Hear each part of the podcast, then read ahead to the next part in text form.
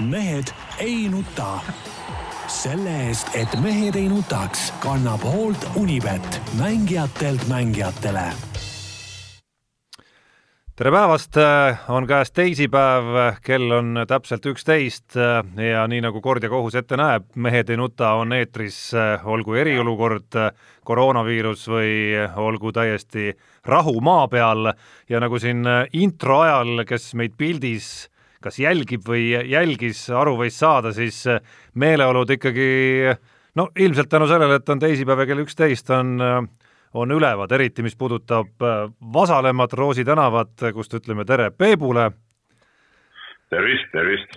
mitte nii ülevad ei ole need meeleolud kesklinnas, tänavat ma peast ausalt öeldes ei tea, aga Keskturu kandis see kuskil seal on, kus Jaan pesitseb ja ja ootab pikisilmi võimalust, et saaks sealt äh, linnatänavatelt ikkagi nüüd maale ära kolida. jah, õnneks pärast saadet äh, panengi gaasi põhja ja kaon siit äh, totakast linnast, kus kurat. nii, aga ma üldse ei saa aru, mida sa nii kaua oled siin koperdanud, tead. ei, olid teatud põhjused, aga, aga nüüd ma lahkun, lahkun kuni talveni.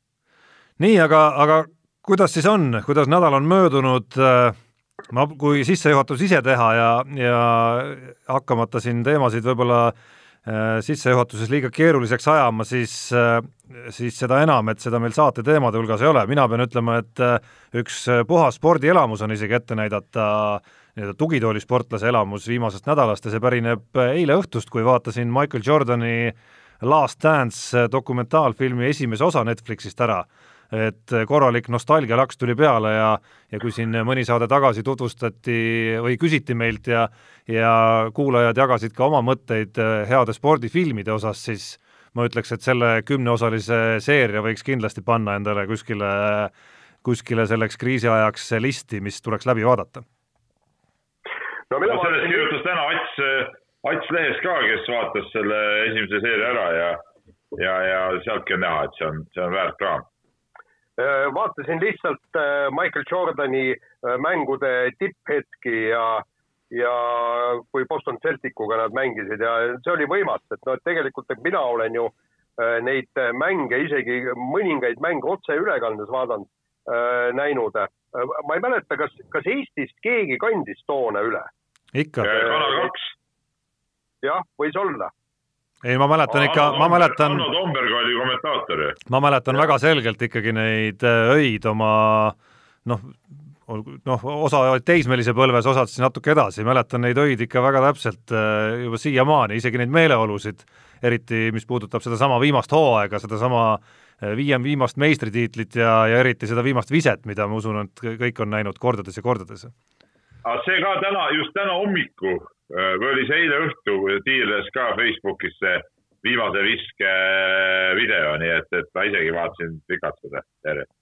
jah, aga, aga ma sain eile muideks õhtul äh, ka täiesti korraliku elamuse ja Peep, tee nüüd moosi nägu ette. ma vaatasin ETV-st äh, äh, Mart Helme intervjuud ja ausalt öeldes kodanik rääkis väga selget ja korralikku juttu ja, ja kusjuures huvitav oli ju see, et äh, Äh, seltsimees Kuusk ei suutnud teda kuskilt maalt nagu kõikuma lüüa. ja, ja, ja ei olnudki mitte midagi vastu öelda ja kõik, et irriteeri, kuidas tahad, paremalt või vasakult, aga, aga väga sümpaatselt ja selgelt rääkis. no vot, mul eile jäi, ma muidu saan aru, sa räägid esimesest stuudiost, eks ole, mul eile jäi see küll kahjuks vahele. Aga, aga, aga eks see nii ongi, no, aga Helme ongi ju tubli mees ma olen alati rääkinud seda. no alati ei ole olnud, aga, aga eilne intervjuu oli, oli täiesti, täiesti timm, ütleme niimoodi. nii, enne kui see saade meil rappa läheb täielikult, äh, äh, viime kähku teema mujale äh, ja ütleme ära, et euronoorele, euronoorele hakkas nagu ütleme, rahvuskonservatism vastu karvama. hakkas juba, ma tundsin, kuidas, ma tundsin, kuidas mingi lööve hakkab tulema juba siia kaela peale, kes vaatab meid, see kindlasti näeb terasema pilguga, aga, aga nali naljaks, äh, ütleme hoiatusena ette ära ja, ja oleme ka ise pettunud, täna meil saate lõpus äh, viimastest saadetest tuttavat viktoriini ei ole.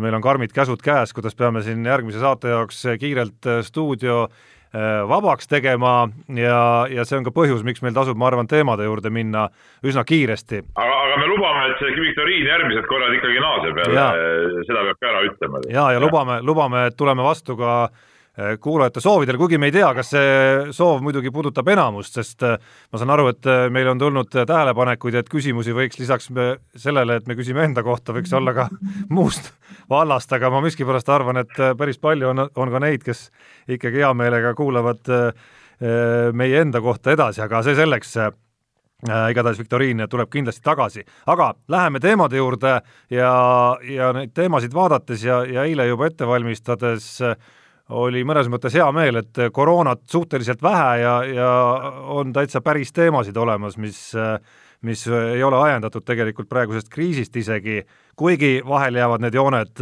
võib-olla ka segasemaks, aga alustame teemaga, mis vahepealse nädala jooksul ilmselt kõige rohkem kirgi kütnud ja vastakaid arvamusi tekitanud, see puudutab Eesti Autospordi Liidu soovi korraldada tänavu siis ise juba rahvusvahelist rallit mis väljendus siis äh, sooviavalduses Kultuuriministeeriumile, et ralli organis-, organiseerimiseks äh, saada nelisada viiskümmend tuhat eurot, teist sama palju juurde veel Eesti autospordi elus püsimiseks.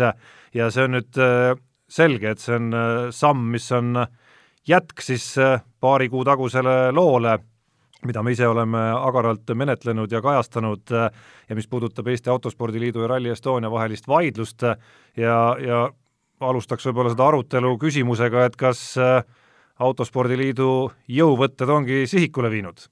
Rally Estonia korraldajad on välja söödud ja, ja nüüd on soov paigas asuda ise sama asja tegema no tegelikult ma võtaksin üldse sihikule kõigepealt hoopis võib-olla üldsusele vähem huvitava poole ehk just selle nii-öelda teised, teise taotluse poole, mis sisuliselt peaaegu poolt miljonit puudutab Eesti autospordi elus püsimiseks ja kui nüüd rääkida, et, et kas need taotlused on õiged või mitte, siis see taotlus on absoluutselt õige ja, ja see tegelikult läheb ka äh, täie mahuga kriisimeetmete alla, et noh, sisuliselt öö, äh, on see, ongi see hädavajalik, et Eesti autosport üldse oleks jätkusuutlik siin lähiaastatel, et et ja, ja, ja ka sel aastal, kui peaks midagi kergemaks minema või järgmine aasta, et see on hädavajalik, noh muidu, muidu meil lõpuks lihtsalt ei olegi rallisid Eh, kus osaleda ja, ja pole ka rallisõitjad, kes osaleksid seal, et, et lihtsalt eh, selge see, et eh, raha jääb väheks ja, ja kui valitsus leidis võimaluse igast võistkonnaalade liigasid toetada isegi kahe koma ühe miljoniga, nelja liiga peale, mis teeb ka umbes pool miljonit per liiga, siis, siis anda, anda pool miljonit autospordile ei ole, ei ole sugugi liiga palju, et selles suhtes siin ei ole nagu, ei tohiks küll kellelgi ühtegi mokakobinat olla, et see on, see on vale otsus ma segan korra vahele, ma usun, Peep, et neid alaliite on siiski päris palju, kellel võiks päris palju kobinat olla, et sa tõid siin suured pallimängud mängu, aga me räägime veel aga, kümnetest. aga kes, aga kes keelab küsida, aga kes keelab küsida nendel teistel? kes keelab küsida? Peep, ma arvan, et, et on ka küsitud, aga teine küsimus on see, et, et kas ka antakse, sellepärast et kui me vaatame, kui suur see summa tuleks, ütleme niimoodi, et ega autospordiliit ei ole, ma kujutan ette, et Kergejõustikuliidul on ka probleemid ja ma ei tea, Suusaliidul ja mis kõikidel liitudel ja kui igaüks paneb nii-öelda oma maksimumi välja, siis me peaksime leidma kuskil viiskümmend, kuuskümmend, seitsekümmend miljonit äh, eurot, pool miljonit per alaliit. okei okay,, väiksematel alaliitudel ei, ei ole ehk nii suur probleem, aga probleemid on kõigil ja, ja ma ei ole kindel, et äh, seda raha äh, nii lihtsalt leitakse. aga pallimänguliigad said ju, miks nemad said siis?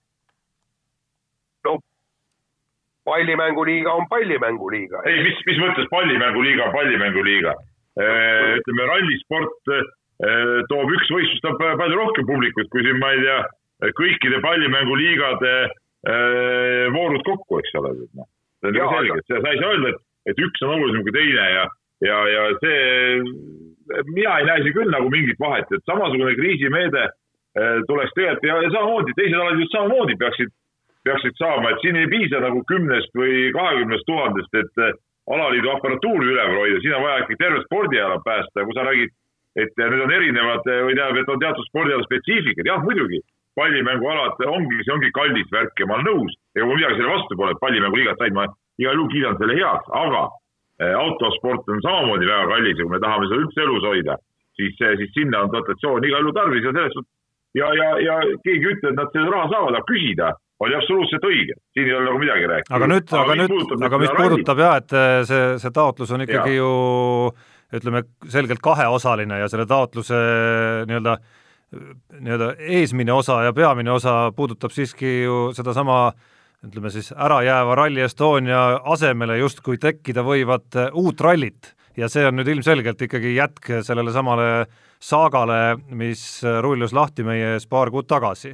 Äh, no ma enne, enne oota, ma tahan Peebult kõigepealt küsida ennekõike, tähendab, vaata, mul on kehv mälu, et sa oled noorem mees, äkki mäletad, kas autospordiliit, kui, kui ta pani selle sada tuhat äh, Rally Estoniale ette ja, ja kui sealt öeldi, et jah, meil on probleemid, me ei saa seda maksta, me jätame ära, kas autospordiliit ütles, et ei ole probleemi, me korraldame selle ise või siis äkki oli jutt niimoodi, et, et nemad ei ole huvitatud selle ralli korraldamisest?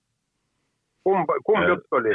toona oli jutt, et neil ei olnud seda plaanis, aga no see oli selge, et, et sellest me rääkisime ka siin kõik, et, et see, see võib niimoodi minna, et seal äkki tahetakse ise seda eh, rallit korraldada ja, ja seda võib-olla seda pirukatükki natuke enda kätte ka saada, et see, see, ma tahtsingi nüüd jõuda nagu kogu selle asja teise poole juurde, mis on omakorda nagu kahe otsaga asi et ega me ju keegi täpselt ei tea, ma ütlen veel kord, ei tea sina, Jaan, ei tea mina, eh, mis seal täpselt selle Rally Estonia ärajätmise need põhjused olid, eks ole, üks asi oli jah see, eh, nii nagu ma kogu aeg öelnud, et autospordiliit eksis minu arust, kui ta hakkas seda ilmselt raha nõudma Rally Estonia käest. Pärast oli Rally Estonia minu silmis eksis sellega, et nad tõmbasid ennast jäigaks ja loobusid ralli tegemisest. ja nüüd ma ütlen, kui ralli tegemisest on tõesti loobutud. no mina tahan ikka, et ralli toimuks, mul on tegelikult ükspuha, kes seda, kas seda korraldab Urmo Aava, kas seda korraldab Jaan Martinson või Jaanis Kaal või, või keegi viies. peaasi, et ralli toimub, nii, ja nüüd, kui rallit ei ole, on selge, võetsid, teevad ära, aga, aga las teevad siis, noh, mis küsimus on?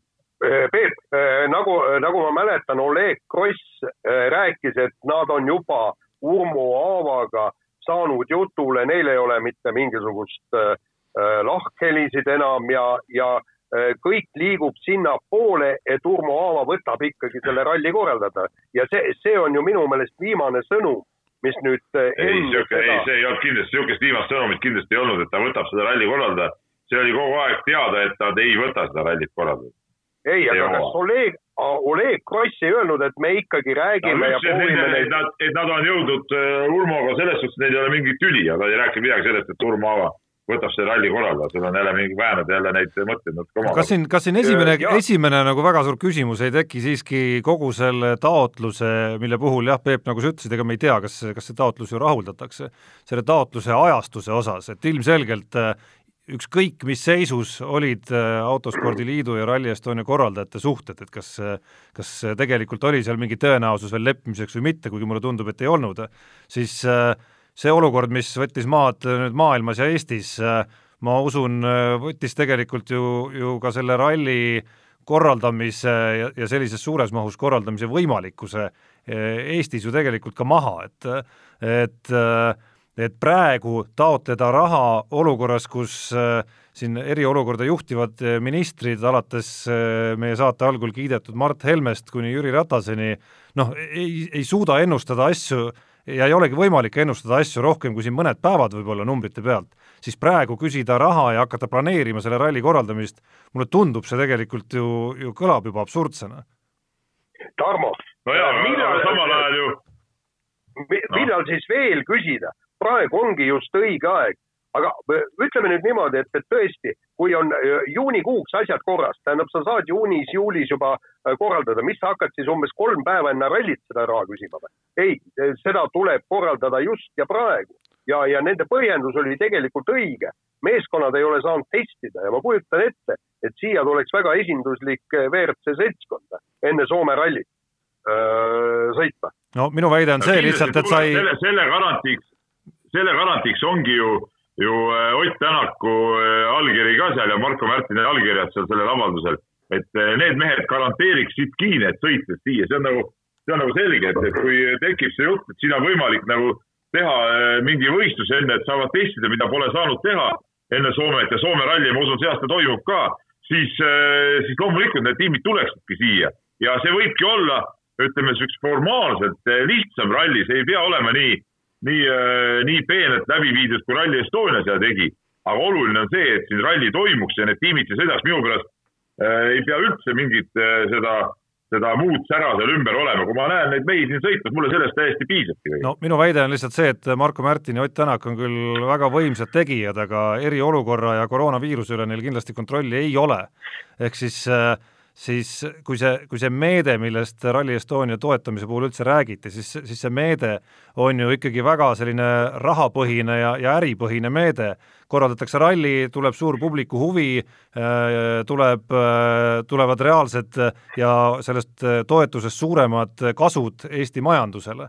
Aga, aga näha seda aga praeguses, oota ei, rääkida sellest, rääkida praegu sellest, selles kontekstis, kus äh, mulle endale tundub, et see ralli saaks toimuda võib-olla küll suvel, aga kindlasti mitte koos pealtvaatajatega, siis, siis see meede justkui tegelikult ei, ei, ei kanna kuidagimoodi seda sisu välja ju, ralli, selle ralli puhul. sa ei oska vaata, Tarmo, Tarmo, sa ei oska näha nagu nii-öelda suuremat pilti ja tulevikku. kui praegu on õhus, Jaan kirjutas eelmine nädal vist selle loo ka, need eh, kaks, eh, üks pluss üks rallid, eks ole, need nädala lõpud, et kui minnakse tulevikus eh, ka võib-olla järgmine hooaeg, et oleks odavam selle peale, et ongi näiteks eh, Soomes ja see Eestis näiteks võiks olla ralli. Või no ütleme kahe ralli kaupa kaks nädalat järjest, siis Eestil oleks see ideaalne võimalus ju. ja selleks, et ennast nagu näidata, et jaa, näe, see ongi ideaalne võimalus, enne Soome rallit teeme ka siin praegu juba see aasta ühe ralli, siis selle peale tulevikus see võiks olla tõesti MM-ralli osa. see aasta tegemine, see oleks kindlasti kõva valuuta, väga kõva valuuta, isegi ilma publikuta isegi ilma publikuta. ja ma selles suhtes ma eh, pooldan küll seda ja selles suhtes Jaan ütles ka õigesti, et eh, loomulikult tuleb selle, eh, keegi ei, ei ütle ju, et, aga Oleg Kross ütles ju, et jutt saab olla ainult ikkagi sellest, kui olukord normaliseerub. aga sa ei saa hakata ju viis päeva enne seda asja korraldama, vaid ikkagi praegu peab ju selle ette vaatama, nii nagu, nii nagu kõik, ütleme ka pallimänguvõistkonnad ju tegelikult ikkagi taustal tegelevad praegu järgmise hooaja peale mõtlemisega, no ja, ja ka isegi teatud äh, toetajatega kontakti hoidmisega, läbirääkimistega, et, et keegi ei istu ju niisama praegu, sama asi on ju selle ralli korraldamisel. Jaan jäi kas paigale või tardus? jah, ei, ma, ma lihtsalt äh, mõtlesin, et, et sul on midagi vastu öelda ja ma olen täiesti see, igati siin äh, Peebuga nõus, et kui me tahame seda rallit korraldada, siis selge see, et see taotlus tuleb sisse anda just praegu ja, ja vaata, et see, sellega on veel isegi hiljaks jäädud ja, ja minu meelest on, elu peab ju ühel hetkel edasi minema. me tõesti ei tea, millal see elu edasi läheb, aga ühel hetkel ta peab edasi minema ja me ei saa lihtsalt oodata seda päeva, kui valitsus ütleb, et vot nii, nüüdsest päevast on kõik piirangud kaotatud ja siis me alles hakkame taotlusi esitama, siis me alles hakkame mõtlema, mida võiks korraldada, mida ei võiks korraldada no tulles nüüd Peebule vastamise juurde tagasi, äh, siis äh, kas see nagu lotomäng ei tundu praegu riigi vaates, kui, kui riik hakkab nüüd kaaluma, kas anda sinna, olgu see siis nelisada viiskümmend tuhat või teine nelisada viiskümmend tuhat juurde veel Autospordiliidule lihtsalt tegevustoetuseks, et äh, et see võib ka täiesti tühja minna, sest võimalik, et see siiski ei saa toimuda lihtsalt, kuna noh, me ei tea, mis toimub suvel väga seda raha ei peagi ju praegult neile välja maksma sinna, küsimus on ju selles garantiis, et kui see ralli toimub, siis nad saaksid selle toetuse, no väga, väga lihtsalt saab seda asja ju, ju sedasi siduda, no ega praegult ei olegi tarvis ju mingeid suuri rahalisi kulutusi teha tegelikult, et kulutused tulevad ikkagi sellega seoses, et need tiimid siia saada, tiimidele tuleb ju sellest maksta ja nii edasi, et, et kui kui ralli saab toimuda, seda raha on ikkagi siis tarvis, aga küsima peab seda ju praegu, selles mõttes. no kindlasti tuleb mingeid ettevalmistustöid ja inimestele palga maksmisi ja kõiki asju hakata tegema juba, mingeid broneeringuid, mingeid broneeringuid. sa ei pannud jälle tähele, Tarmo, sa ei pannud jälle tähele. paljuski loodetakse või ütleme, eh, plaan on see, et seda tööd tehtaks ka paljuski vabatahtlikkuse alusel.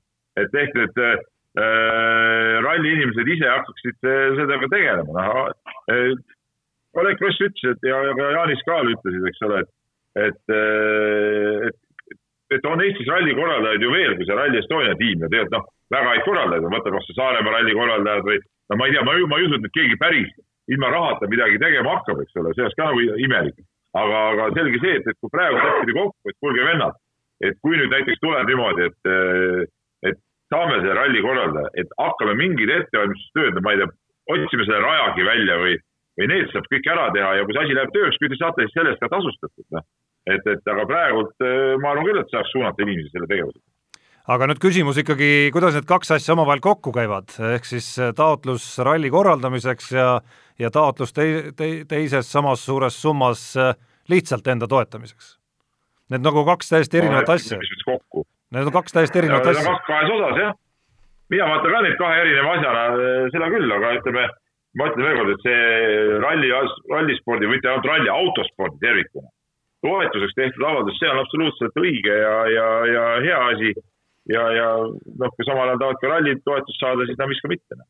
sest tegelikult, ütleme nii, okei okay,, seda raha ei ole eraldatud, aga tegelikult ju mõtteliselt on see äh, raha, okei okay,, see on teise meetme alt, selle jah, tõsise turismi arendamiseks ja kõik, see, see kõik on tore. aga, aga see raha mõtteliselt on ju olemas ja kui seda nüüd, nagu ma rääkisin, eks ole, vaadata seda pilti laiemalt ja laiendada järgmise aasta peale ja nii edasi, siis, siis tegelikult sellesama meetme alt saaks selle, saaks selle välja käia küll.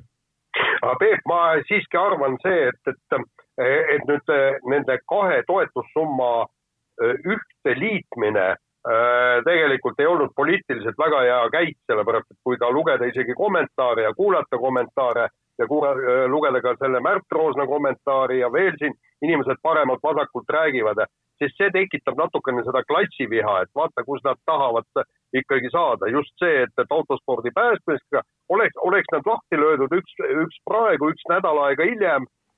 ma arvan, et, et see oleks poliitiliselt pigem õige olnud no mis puudutab Märt Roosa kommentaari, siis äh, vaata, meil on siin toimetuses nagu sõnavabadus, et iga mees võib ajada äh, või kirjutada, mida süda lustib, et et ma absoluutselt ei nõustu Märdi kommentaariga, ma olen seda talle öelnud ja, ja aga noh, see ei puutu üldse asjasse täielik jamps, mis ta kirjutas minu sõnul. ei, Peep, aga ma ütlen sulle, et, et on tekkinud väike klassiviha selle auto ja rallispordi vastu. on no,. igasuguseid vihasid on, Jaan.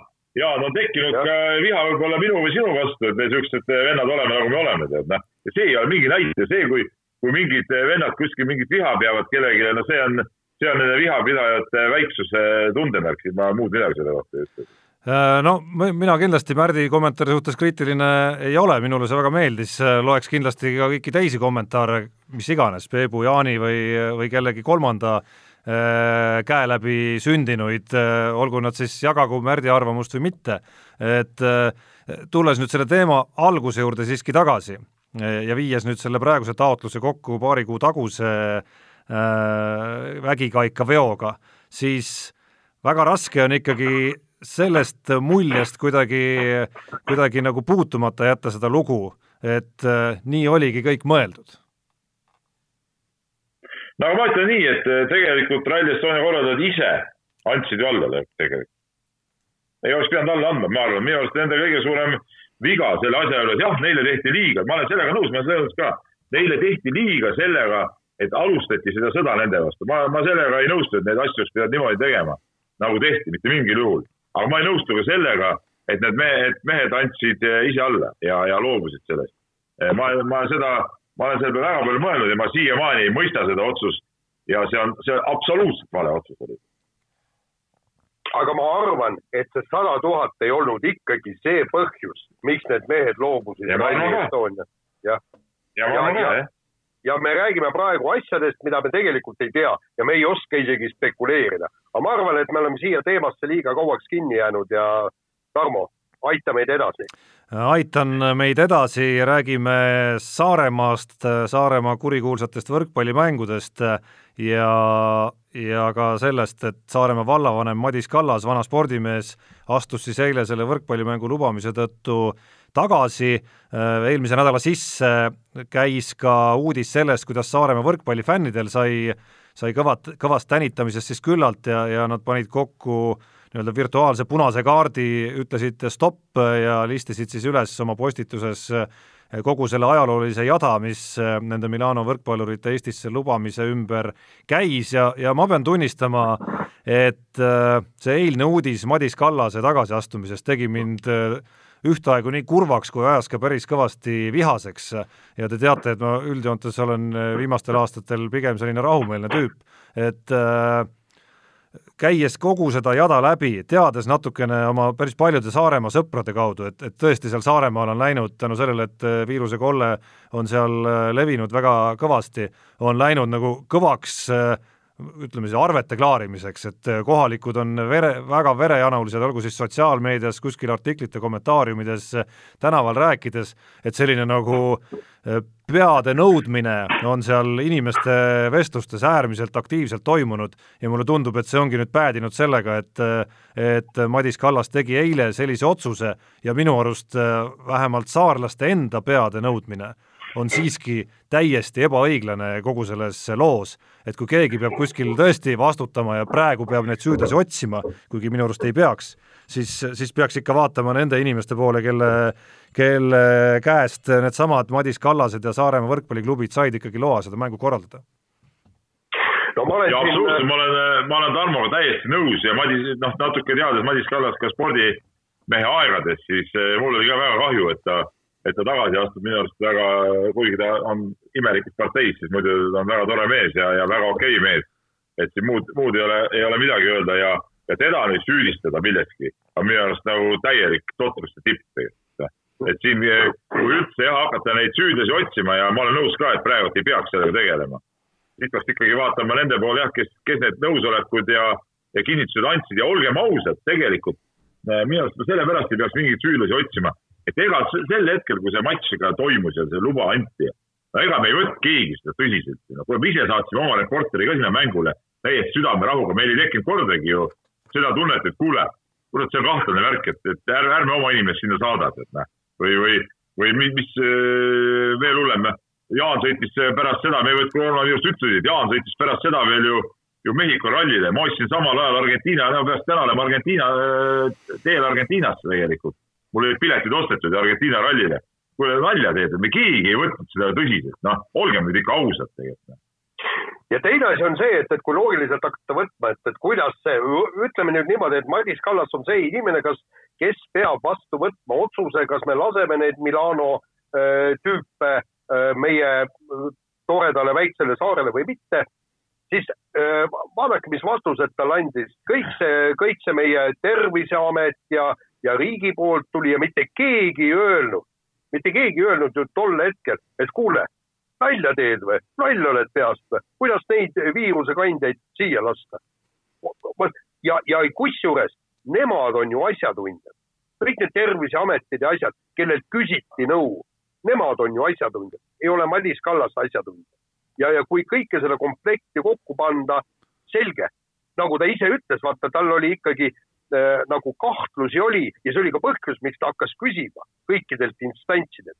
minu meelest tegi ta oma tööd täiesti äh, õigesti, perfektselt ja, ja ausalt öeldes äh, Saaremaa rahvas võiks natukene nüüd häbi tunda, et äh, nii päris hea vallavanem, vähemalt eemalt vaadates, Äh, peab nüüd äh, selle tõttu tagasi astuma. see ei ole õige. absoluutselt ja ta on äh, minu arust ka selle kriisi puhkemise järel näidanud, nii tema kui Saaremaa haigla juhid on näidanud ikkagi väga äh, nagu terasest küljest ehk et äh, ennast terasest küljest ehk et väga kiiresti said aru ikkagi, et asi on tõsine, väga kiiresti panid testimise punktid püsti, nii et need kästi vahepeal laiali ajada, sellepärast et äh, riigil ei olnud äh, justkui nagu võimekust kõiki neid proove ära testida, mida siis seal võeti inimeste käest, et et nad on olnud nagu ikkagi nagu eesrindlikud reageerijad ka veel selles olukorras, kus võib-olla võib-olla mandril veel ei saadud absoluutselt aru, millega tegemist on.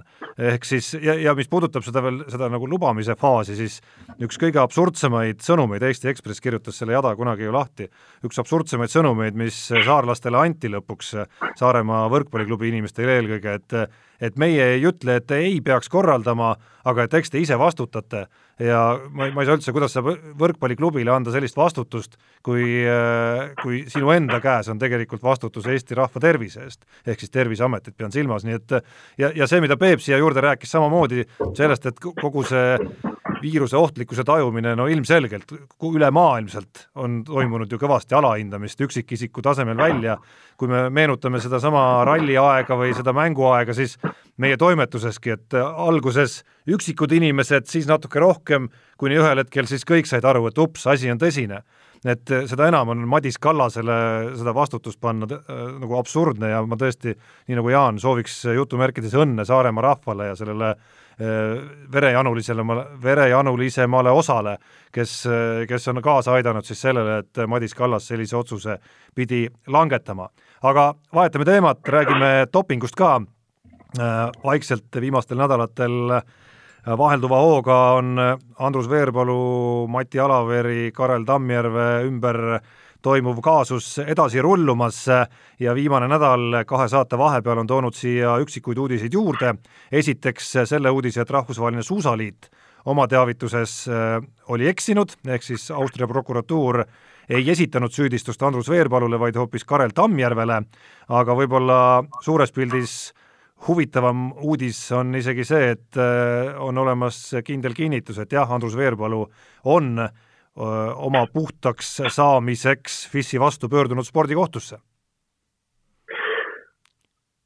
noh, seda oligi nagu e-, ette arvata, seda ju räägiti enne, kõik, kõik ütlesid, et jah, et me arvame, et ta on spordikohtusse pöördunud sellepärast, et FIS ei ole siiamaani otsust teinud ja, ja, ja mis mind natukene häirib, on kõik, kõik, kõikide selle süsteemide nii-öelda suletuse. spordikohus andis ju teada, jah, et äh, üks, äh, üks Veerpalu asi on meil käsil, aga me ei saa öelda, mis teemal see on ja me ei tea öelda, millal see otsus tuleb ja ta-ta-ta, ta-ta-ta ja jällegi, ühesõnaga me seisame täiesti nagu tühja koha peal, me, me ei tea mitte midagi ja, ja muidugi veelgi enam häirib see, et need vennad ise ju ei tule rääkima. miks Andrus Veerpalu ei võiks tulla ja öelda, jah, ma andsin asja spordikohtusse, sellepärast et ja kui ta ise ei taha, ei oska, ei julge, äh, siis äh, meil on ju suhtekorraldusfirmad, kes võiksid pressiteate üles panna. miks mitte? muide, täna ma lugesin just Soome meedias ääretult pikk intervjuu või tähendab, arutelu oli, kellest võiks saada Soome koondise uus peatreener, suusakoondise peatreener.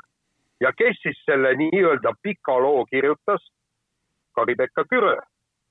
seesama mees, kes äh, kaks tuhat üks Soome suusatamise põhja laskis ja keda ta pakkus äh, üheks peatreeneriks, Harri Kirvesniemi, kes oli äh, kaks tuhat üks üks nendest, kes siis dopingut tarvitas.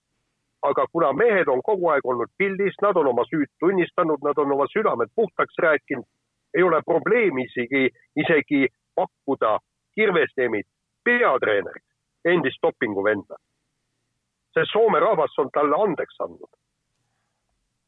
ja, ega Jaanil on siin väga raske midagi juurde panna, et, et see kõik, kõik, kõigele, mis Jaan ütles, ma seekord kirjutan küll kahe käega alla tegelikult, et, et täpselt nii ongi ja, ja, ja, ja noh, minu jaoks on äh, Andrus Veerpalu tegutsemine ja käitumine lihtsalt, lihtsalt nagu arusaamatu ja, ja, ja nii ongi, noh, ta nagu ei ma ei suuda teha nagu, nagu kuskilt otsast eh, tema võitude peale juba ammu enam mõtelda, et need on mingisugused võidud või need, tal võivad need medalid alles olla ja need tiitlid ja kõik olümpiavõitja pensionid, aga noh, tegelikult, tegelikult ta on nagu tühi koht nagu selles mõttes. Eh, no Tõnu Tõniste, Eesti Olümpiakomitee presidendikandidaat, eh, on, on üsna värskelt avaldanud ka ühe artikli, kus, kus ta no A juhib siis tähelepanu kahele, kahele asjale, et ühest küljest sellele, mis puudutab äh, kohtutoimikute avaldamist ja selles osas tegelikult on üks värske äh, väikene areng ka toimunud, ehk siis Riigikohus on öelnud, et kinnise protsessi puhul ei peaks automaatselt kohtutoimikud ka kinniseks minema. see tõsi, ei tähenda veel automaatselt, et automaatselt Mati Alaveri kohtuotsus saab avalikuks, vaid selle üle jätkub tegelikult veel üks paralleelne vaidlus, aga Äh, teine osa Tõnu Tõniste loost puudutas ikkagi seda ja no eks natuke tuleb vaadata tema arvamusartiklit ju ka EOK presidendivalimiste kampaania osana, aga aga see, kuhu ta juttu viis, on see, kuidas ka tagantjärele peaks meie spordisangaritelt olema võimalik sisse nõuda nii preemiarahasid kui ka ettevalmistusrahasid, kui nad näiteks kümne aasta jooksul pärast nende saamist satuvad noh, näiteks dopingu tarvitamisega pahuksisse? Esiteks ma ütleks muide seda, et äh, härra Tõniste äh, muidugi paljastas ennast, sellepärast nagu me teame, EOK president Urmas Sõõrumaa ütles, et kõige äh, suuremad dopingu vastu võitlejad on äh, ilmselt ise patused, mäletate? et sellega ta paljastas enda, et ta on ise ka dopingupanija äh,. kui võtta asja Urmas Sõõrumaa võt-, võtmes. aga teine asi on see, miks me ei võiks panna reegli, et äh, näiteks kasvõi need kristjanid, kui treenerid äh, või sportlased on saanud kristjanid ja jäävad dopinguga vahele, võetakse need kristjanid neil käest ära. miks see võiks olla nii? sama, samamoodi on ju ka preemia ja toetusrahadega. kas, kas äkki see paneks äh, mõnda venda mõtlema? Noh, ma, ma ei kujuta küll hästi no,, kuidas, ma küll ei kujuta ette, kuidas Karel Tammjärvelt midagi veel äh, kätte saada tagantjärele, noh, toetusrahasid ja, ja selliseid asju, eks, eks seal üksikisiku pankrot kuskil, kuskil äh, kumab kindlasti taustal, aga, aga noh, oht on seegi.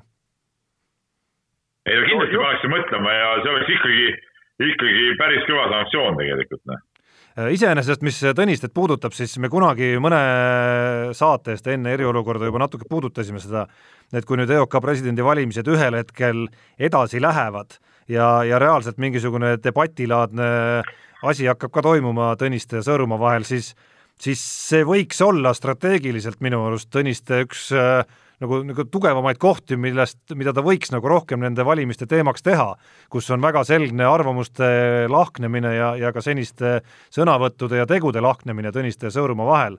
et see võiks olla see, kuhu, kuhu Tõniste võiks seda debatti nagu suunata natukene. ja seda kindlasti see kõik on tore, ma ütlen, see debatt ja kõik on vägev, aga ma nüüd sa läksid nagu presidendivalimiste juurde, ma arvan, et seal need rongid nagunii läinud juba, see rong on läinud juba, Tarmo aga debatt oleks kindlasti huvitav just sel teemal, mida eh, see ikkagi, ütleme, paljastaks natuke neid eh, tegelikke mõtteid ka, ma loodan. ja Peep, arvesta, rong on praeguseks hetkeks läinud, aga äh, ta võib veel jaama tagasi pöörduda juhul, kui äh, Urmas Sõõrumaa hakkab taas kord suud pruukima. ütleme niimoodi, et ta ise on enese kõige suurem vaenlane. täpselt nii kaua, kui ta suu kinni hoiab, on, äh, on kõik korras. aga, aga need äh, mõned tema väljaütlemised, eks esiteks selle Alaveri ja äh, Veerpalu kohta varasemad, nüüd kasvõi see, et, et need dopingu vastu võitlejad on ise kõige suuremad patused. no ütleme niimoodi, et, et see au ei tee Eesti Olümpiakomitee presidendile. absoluutselt nõus, Jaan, selle vastu ma üldse ei vaidle, ma lihtsalt arvan, et isegi see ei muudaks seda praegust jõudude vahekorda no sõltub, mis teemal ta räägib. ütleme niimoodi, kui ta dopingu teemadel räägib, noh, seda me oleme kõik kuulnud. aga kui ta hakkab näiteks seal äh, sõna võtma mingite spordialade aadressil või, või kuskilt sealtmaalt, et sellega võib, võib ta endale öö, äh, mingit jama kaela tu tuua nii et hoidku parem suu kinni. nii, aga ühest päris uudisest veel, mis on toimunud ja, ja mis ei ole läbi imbunud üleüldse koroonast ega eriolukorrast äh, kõva sõna, tuleb öelda, Gerg Riisa, Eesti noor korvpallikoondislane, on äh, otsustanud, et siirdub järgmiseks äh, neljaks aastaks siis eeldatavalt äh, Arizona ülikooli. kõvaks sõnaks teeb selle uudise siis fakt, et tegemist on tõesti absoluutse korvpalli mõttes tippülikooliga, mis USA-s NCAA kõrgemas divisjonis üldse leidub, aga selge, et kui nüüd asja sisusse natukene minna ja natukene selle üle arutleda, siis äh, see kõige suurem eh, küsimus, mis tekib, tekib eelkõige selle üle, et miks eelistada seda käiku näiteks Kaunase Žalgiris väga heasse süsteemi jäämisele? no vot, see ongi, ma olen selle uudise peale mõelnud eh, tükk aega ja noh, see, et ta plaanib USA ülikooli minekut, eh, oli juba siin ka natuke aega tagasi juba tegelikult teada. et see ongi niisuguse kahetsustunde tekitav, jah, nii nagu sa ütlesid, ülikool on ülikõva ja sinna igat venda ei võeta. ja keda võetakse, siis loomulikult see on nagu kõva, aga äh, kui nüüd vaadata Gerg Riisa seniseid tegemisi, siis, äh, siis siin on palju niisuguseid ähm, küsimusi tekitavaid momente, ütleme, võtame kasvõi seesama see Bambergi, Bambergis käik sealt äratulek, mille tegelikku tausta noh, ei olegi nagu päris selgeks saanud. Salgrise süsteemi minek, seal ma julgeksin väita siiski mitte läbilöök, ütleme ka kerge allaandmine sellega, et et saadeti ta sinna meistriliigas nii-öelda farmklubisse ei tahtnud seal olla, tuli tagasi, oli valmis esiliigas hoopis mängima. natuke liiga palju on niisugust plähmerdamist ja, ja rapsimist minu arust ja, ja niisugust püsimatust tema, tema tegemistes, et, et, et, et võib-olla ei ole seda kannatust olnud, et oma, oma, ütleme, need rasked hetked ära kannatada kuskil ja, ja läbi selle üles tulla ja, ja tegelikult nüüd ongi see USA on ka jälle järgmine käik, et ega, ega nüüd seal talle ka ju mingeid minuteid ju ju garanteeritud ei ole esimese aasta mehena ja, ja noh, saab näha, ütleme, kui ta nüüd seal need neli aastat eh, vastu peab ja ära mehistub, noh siis võib öelda, et jaa, okei okay,, see oli õige koht, et seal võib-olla oma vanuste mingis seltskonnas äh, tundis ennast võib-olla mugavamalt kui äh, ütleme, Euroopa täitsa absoluutselt tipptasemel klubis, eks ole, kus olid juba vanemad ja, ja tõesti ikkagi väga-väga kõrgel tasemel mängijad ees. et, et kui ta seal suudab ära kannatada selle ja sealt mängijast kasvab, noh siis ei ole midagi öelda aga küsimus ongi selles, et kas nende eelmiste äh, jahmerdamiste taustal, et, et kas ta suudab selle ära kannatada no.. see on kõige suurem küsimus. ma, ma ütleks ka siin sõna sekka. Peep, punkt üks on see, et, et ta saab Ameerika ülikoolist hariduse, eks ju äh, teine asi on see, et, et nagu ma olen, äh, lugesin, äh, kaheksa mängijat lähevad Arizonasest ära, tähendab, neil tulebki täiesti uus meeskond. nii et, et seal tulevadki enamused, enamus ongi esimese aasta mehed nii, aga minu jaoks on kõige tähtsam küsimus. Ameerikas, nagu me oleme kuulnud nendest, nendelt teistelt üliõpilastelt, me, meie meestelt, kes on seal on, nendega tehakse meeletult palju individuaalset tööd. et meid arendatakse täiesti selgelt ja sihipäraselt edasi. kas Euroopas, kas Žalgirises ka tehakse Kriisaga sama tõsist ja täpset ja head individuaalset tööd. aga selle peale, Jaan, ma küsin sulle vastu. Äh, näita mulle mõni edulugu Eesti korvpallis, mis on selle USA-s äh, selle metsiku tööga, nii-öelda selle individuaalse tööga Äh, too, äh, ette näidata meid. no Null. eks sa pead defineerima ei. nüüd edulugu, aga ma, ma ei saaks küll kuidagi öelda, et Maik Kotsar ei ole edulugu iseenesest, tõsi, eks me näeme no, siis esialgu, no, äh, no ja esialgu me ei tea, millisel tasemel ta hakkab siin Euroopas mängima. jaa, aga no me saame ja, hinnata aga, vähemalt aga tema seal on olnud, seal on läbi aastate olnud mängijaid kogu aeg meil ja noh, ei ole see, et kui Rauno Nurger maandub kuskil Hispaania esiliigas, siis ma seda edulooks ei pea, et Hispaania esiliigasse saab minna rahulikult siit Eestist või Euroopast ka nagu, nagu me näeme, eks ole, saab, saab ka Itaalia meistriliigasse minna. et eh, Siim-Sander Vene Euroliiga mängija, ka Salgrise süsteemist tulnud, et, et selles suures, selles suhtes ma seda eh,, loomulikult seda tehakse, mingit, tehakse suurt tööd ja, ja see kõik on nagu, nagu tore ja vahva, aga, aga ei ole väga palju ka ütleme, meie naaberriikides tegelikult neid edulugusid, mis on mis on USA ülikoolidest tulnud äh, mängijad, oleks nüüd väga kaugele jõudnud. Noh. no mis on, mis on, mis on Markanen, siitsamast no, Markanen, ma räägin, mina pean meie naaberriigis ikka Lätit, eks ole, noh.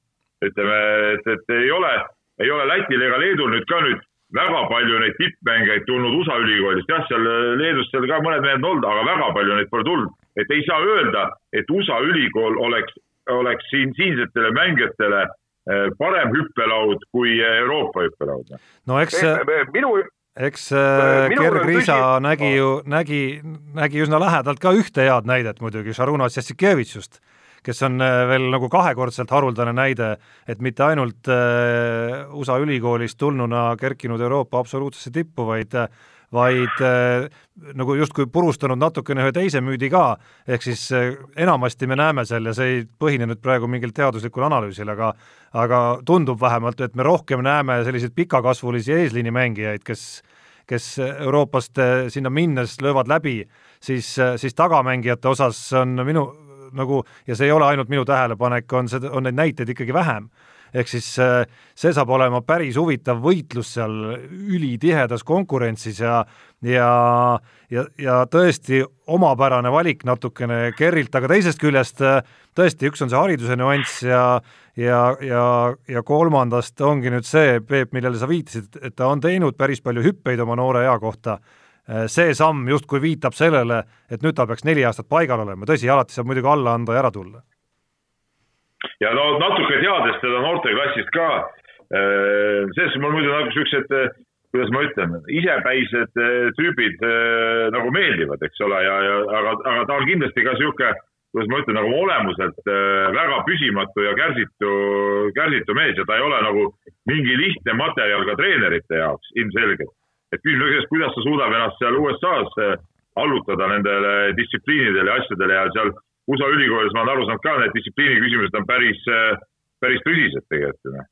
et, et äh, siin nagu küsimusi on, aga no jah, mina olen, no, sa tead, ma olen nagu Euroopa korvpalli austaja olnud ja, ja võib-olla ma seda USA, USA ülikooli asja nii, ma ei tunne ka seda süsteemi nii hästi, aga mulle nagu ei, ei ole nagu kuskilt otsast nagu selge, et see oleks nüüd nagu kõvem koht kui euro, euroliiga äh, tipptasemel klubis olek, et, et, äh, et tegelikult mingil määral ma ütlen, et ikkagi praegu ta ei suutnud Žalgirises läbi lüüa ja sellepärast ta otsis endale uut väljundit, aga võib-olla see pole nii ma jään natuke, ma selles natuke jään eriarvamusele, et minu arust ta nagu oli täitsa korraliku, nagu selles redelis täitsa korralikult oli nagu liikumas. iseasi, mis nüüd ed... Võt... kuidas ta liikus, miks ta tagasi tuli sealt äh, Äh, Brenai meeskonnast. ja aga noh, see ei ole, see ei ole käik, mis tingimata ütleb, et ta seal redelil ei liigu normaalselt, et ta tegi oma Euroliiga debüüdi ära ja ma arvan, et see tõehetk oleks võib-olla nüüd just ees seisnud, ega me ei tea muidugi täpselt, mis võimalused tal sellel suvel olid, et kas, kas ja mis seisus olid üldse jutud Žalgirise endaga ja, ja mis variandid tal üldse veel laual olid? ei, tal leping oli olemas ju, tal oli leping olemas nende, nendega. Žalgiris ei tahtnud teda ära andagi, praegu olid ju uudist käis igalt poolt läbi, et ega Žalgiris ei tahtnud tema seda USA ülikooli minna. ja, ja aga no mis täpne see plaan oleks olnud, kus äh, ta täpselt, kus nähti talle kohta järgmisel aastal, et see, see nii-öelda hinnangu koht, kas ta on äh, graafikust ees või maas, ma arvan, oleks olnudki täpselt nüüd äh, järgmine hooaeg, ma arvan. no jaa, aga see, kus sind nähakse, ega see ongi su enda selle töö vili ju noh. sa peadki oma koha välja võitlema kuskil, et, et ja kui sa ei suuda ennast äh, võidelda põhikoosseisu, noh siis, eh, siis ongi, ma ütlen, siis tulebki otsida võib-olla mingeid eh, muid väljundeid ja noh, jah. ja raske öelda, raske on hinnata, anda, ma ütlen, et kui ta neli aastat seal töö ära teeb ja, ja tuleb tipptasemel mängijana sealt tagasi, noh siis, siis ei ole mitte midagi ütelda, siis on superluks käik noh. ega me keegi ei tea seda ju tegelikult, mis, mis see õige või mis vale. ei no absoluutselt ja no selge on see, et lihtsam seal läbi murda, arvestades keskkonna nii-öelda, et see on veel nagu võõras maailm ei ole kindlasti lihtsam kui, kui Kaunases näiteks. aga ma hästi ei saa lihtsalt aru, et miks neid samme teha, kui sa oled juba, oled juba ütleme tippkorvpallisüsteemis sees, milleks sealt hüpata teise, ütleme mitte kõvemasse süsteemi, kindlasti ei ole ju see ülikooli sats kõvem sats kui Kaunases Algeris, seda me ei saa ju kindlasti ütelda. nii, aga me peame tegema väikese hüppe teistele teemadele ja lisame tempot ka ja teeme kiire vahemängu tõesti kiirena seekord. esiteks küsime, et kas tõesti peakski nii olema, et naiste võrkpallikoondise EM-ile viinud Andrei Ojamets lahkub Tartu klubist Bigbanki ja asub treenima Audentese tüdrukuid? aga miks ka mitte, miks ei peaks tipptreener olema Audentese treener, just vastupidi, peakski olema. absoluutselt peakski olema, sest see on, ütleme võrkpallis muuseas on Audentes just see põhitaimelava, ütleme, kui korvpallis, ütleme, Audentese roll ei ole nii suur olnud, siis võrkpallis on ta igal juhul olnud suhteliselt suur ja, ja, ja kui me tahame, et seal oleks äh, tipptasemel nagu väljund ja tüdrukud tuleksid üles, seal peavad olema tipptasemel treenerid, see on nagu selgemalt selge. ja ma olen täpselt Peebuga äh, nõus ja jällegi äh,, kuigi kuulajad ei taha seda kuulata, aga ma toon jällegi äh, näiteks omaaegse korvpalli, et kuidas kasvas üles üheksakümmend üks Nõukogude Liidu tšemp-, tšempionid siis toona olid ju kõik meie tipptreenerid ajal või teisel noortetreenerid, Janus Lepoi, Germon, Gerde, kes kõik tulevikus ju treenisid suuri klubisid. et nad olid tõesti meie tipptreenerid, treenisid, kas Salumets muide ei olnud ju ka seal ta oli, ta oli tüdrukute treener. just, Siki tüdrukute treener, et Ja. kõik, kõik meie tipptreenerid treenisid mingil ajajärgul noori ja, ja nii peakski olema. nii peakski olema. Äh, no ütleme, kui juba see Audentes teemaks tuli, siis üks, üks äh, killuke, mida me ei ole ka siin saates kajastunud, on ju ka see, et äh, ka korvpallis toimusid Audentese treenerite osas muudatused, millest nii-öelda kõlavamate nimede poole pealt siis vääriks siingi korra üleütlemist, et Aivar Kuusma vahetas välja Rauno Pehka.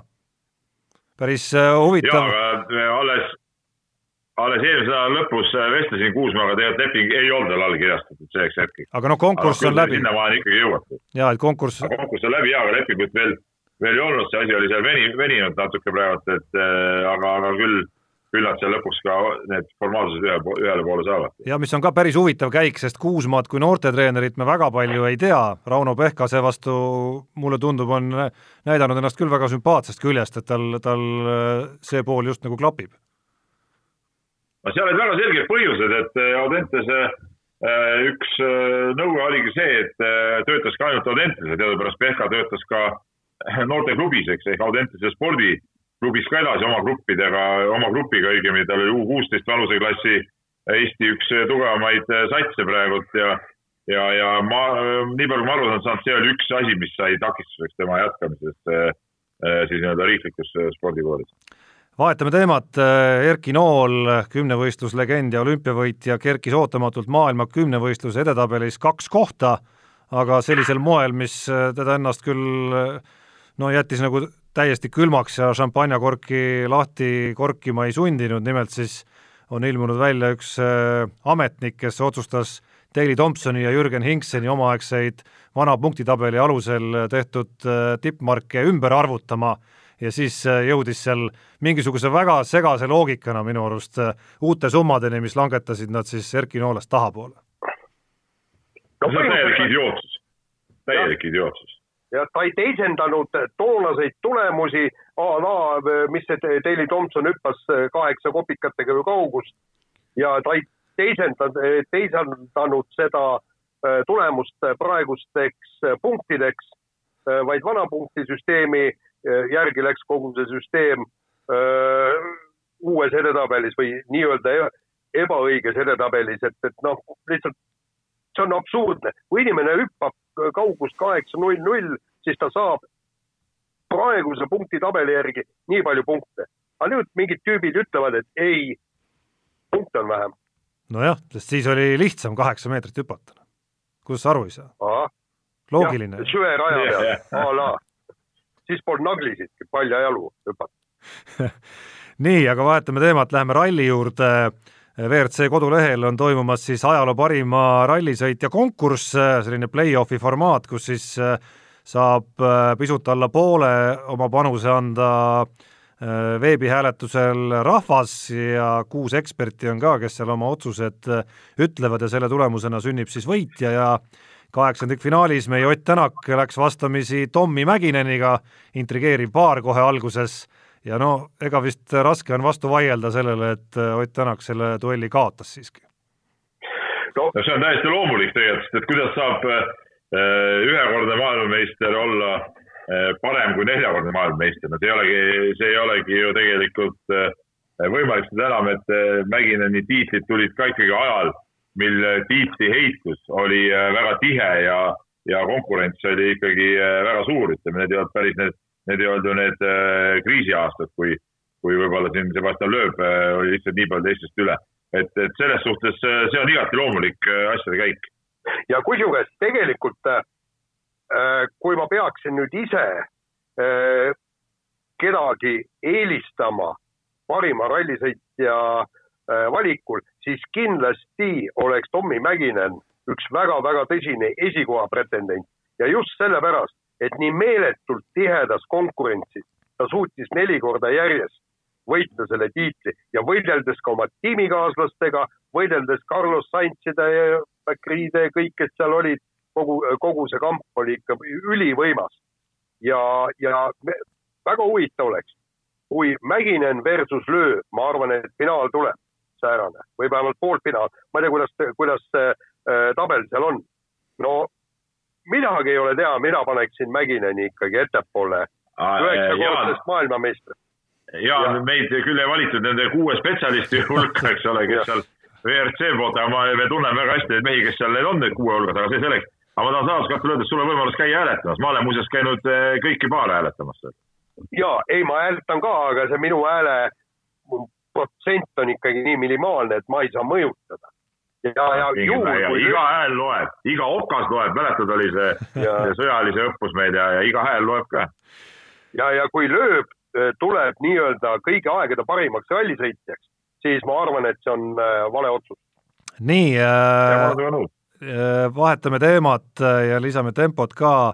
Eesti Päevalehes ilmus artikkel Kelly Sildarust, kes on haaranud oma elu üle nüüd ikkagi ohjad äh, nagu täiskasvanud inimene, see tähendab äh, seda, et ta otsustab ise oma rahaasjade üle, isa asemel saab nüüd treeneri palka hoopis siis tema treenerist poissõber Mihkel Ustav, ma saan aru, et isegi sangpommi Kelly toob nüüd Prismast ikkagi ise ära, tuleb ka kahekordne salto ja uuel aastal ka tihedam võistluskalender. mida selle kohta nüüd arvata siis? No tähendab, kahekordse salto ja tihedama võistluskalendri kohta ei oska ma midagi öelda. sangpommi ta võib kindlasti ära tuua äh, poest, aga seda ma ütlen, et loomulikult ongi aeg juba äh, neiul ju elu enda kätte võtta. ma vaatan ju, mul oli ju, mul endal poeg oli kuusteist, kui ta äh, sai poole kohaga tööle Eesti Päevalehte ja, ja põhimõtteliselt hakkas, hakkaski ennast ise juba majandama teenis üle Eesti keskmise palga sealt ja, ja tegi ise tööd ja, ja vastutas enda elu eest ise. täiesti normaalne. no siin on tead muidugi see nüanss muidugi, et ei saa unustada seda, et kes ja kuidas on Kelly nii kaugele viinud, et, et selge see, et isa Tõnise rolli ei saa vähendada ja, ja seal peab vaatama, et okei okay,, nüüd Kelly treeneri palk läks küll, mis ta oli, Ustav, eks ole, Ustavile, aga, aga aga ei saa unustada ka, et, et noorem vend teeb samasugust sporti ja peab vaatama seda ka, et see on tegelikult, ütleme, vend ja isa on teda nagu kogu aeg nagu aidanud edasi ja viinud, et, et nad ei jää nüüd päris lageda taeva alla ja, ja ütleme, kõik rahad ei lähe nendest nagu mööda, et siin, siin seda, seda detaili ei saa tegelikult unustada. no seda küll, aga, aga siin peab ka Suusaliit ja EOK mingil määral. ja ei muidugi, muidugi, ma lihtsalt räägin, et põhimõtteliselt peavad, peavadki need süsteemid vaatama, et, et, et Henril jääks ka ikkagi võimalus, võimalus spordiga tegeleda tipptasemel ja, ja, ja tegelikult nad on üks tiim kogu aeg olnud, et, et nüüd aga oleks ebaõiglane lihtsalt nad lüüa niimoodi pooleks, et, et üks läheb kõigele ja, ja teisel ei ole mitte midagi. et see, see oleks nagu vale. aga kiire vahemängu lõpetuseks edastame oma õnnesoovid legendaarsele keskmängijale Jaak Lipsole kaheksakümnenda sünnipäeva puhul. kommentaarid ongi liigsed, mees, kes oleks võinud vabalt mängida NBA-s, kui ajad oleks natuke teised olnud. jah, Peebul oli väga hea lugu Jaak Lipsoga. Peep, kas Jaak Lipso ongi meie ainuke tõesti rahvusvahelisel tipptasemel keskmängija? on meil veel neid olnud? tegelikult ta oli pigem ikkagi number neli ja et ta mängis ju kõrvuti kõrvuti nii-öelda päris pikkadega, et ta oli nii-öelda teine tsenter tegelikult. ja aga ta, aga Kalevis mängis ta tsentrit. no Kalevis ta... küll ja, aga ma räägin praegu CSKA-s, kus oli tema tippajad ja, ja ka Hoon. aga ei aga..., selge see, et ülikõva mees ja väga-väga mõnus oli temaga vestelda, et väga-väga terane kaheksakümne aastase mehena ja, ja väga-väga kihvt oli, et sai temaga rääkida. mehed ei nuta saate tõi sinuni Unibet, mängijatelt mängijatele. no nii, panin vale kõlli ka veel, saade päris ei lõppe, kuigi meil on ajasurve nüüd juba päris kõvasti kuklas. Peep, Jaan, panuseid panite? ma seekord jätsin vahele, kuna ma see, need absurdiliigad olid mind nii palju alt vedanud, ma mõtlesin, ma teen väikse pausi ja aga mul oli meeles, et, et tuleks panna panus, aga, aga nüüd ma võib-olla panen, on see maleturniir Magnus Carlsen Invitational ja, ja seal võiks küll mõned panused panna, et ma olen seda turniiri vaadanud, täitsa äge, äge üritus. aga see kestab veel rahulikult mingi teise või kolmanda maini, et siin on aega panna ja soovitan kõigil ka vaadata, kes malet armastavad. lisaks malepanustele meie partneri Unibeti juurest mainin seekord ära ka teist nädalat järjest siis selle nii-öelda võiduseeria mängu Streak R, kus siis kahekümne seitsmendaks aprilliks tasuta küsimustele vastanud, vastanute vahel, kellel on pikim aktiivne võiduseeria Äh, nende vahel läheb jagamisele siis kümme tuhat eurot. tänane päevaküsimus on Peebu lemmikvaldkonnast, see puudutab äh, e-sporti, äh, Dota kaks nimelist mängu ja võistkondasid Business Associates ja Furia e-sports. siin on Peebul kindlasti oma seisukoht olemas, kumb neist võidab, aga ma ma kutsun üles mitte. ütlen, ma ütlen kindlasti, ma ütlen kindlasti edasi ütlen kindlasti edasi ka, et mõne male küsimuse võiks sellesse mängu sisse panna, sest see tõepoolest on huvitav. nüüd on meil, Peep, muidugi üks minut aega kirjade jaoks. kirju on nii palju ja see on tegelikult kuritegelik, et me ei saa neid kirjusid kõiki menetleda, aga ma võtan siit kohe esimese kirja Sandri käest tulnud ja ja seoses spordiväesega tekkis korvpalliteemalised küsimused eelkõige Peebule ja Tarmole, Jaan võib ka sõna sekka topsata. tekkis kaks küsimust.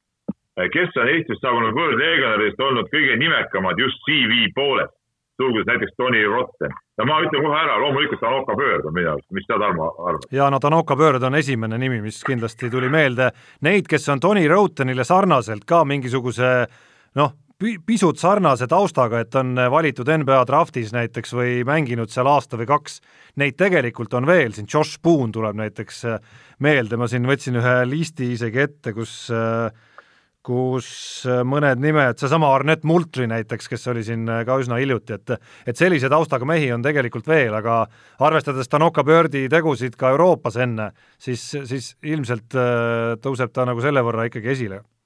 Aleksei Petšerov näiteks no,. see on ime, see oli ime, et ta siin üldse mängis tegelikult, Tanoka Bird. ma ei tea, kas see Euroliiga see Pirri rekord on siiamaani tema käes või?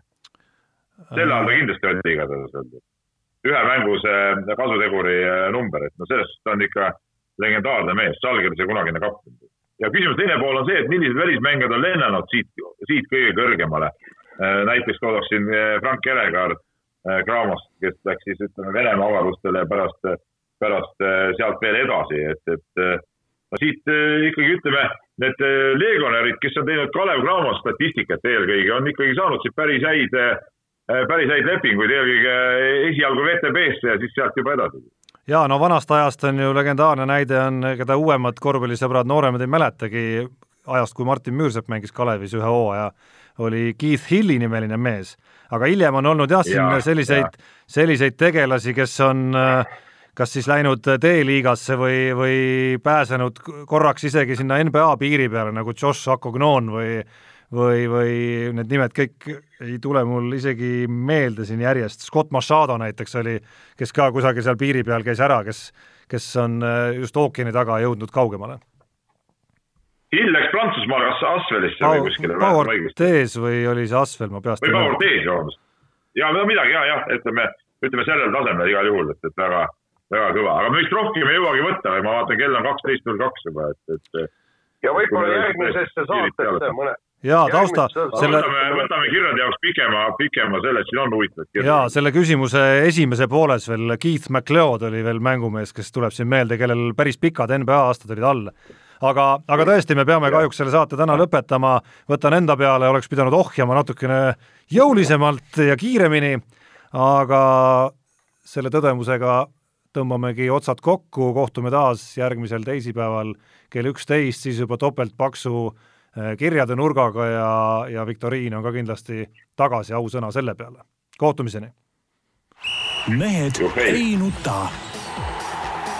Saate tõi sinuni Unibet, mängijatelt mängijatele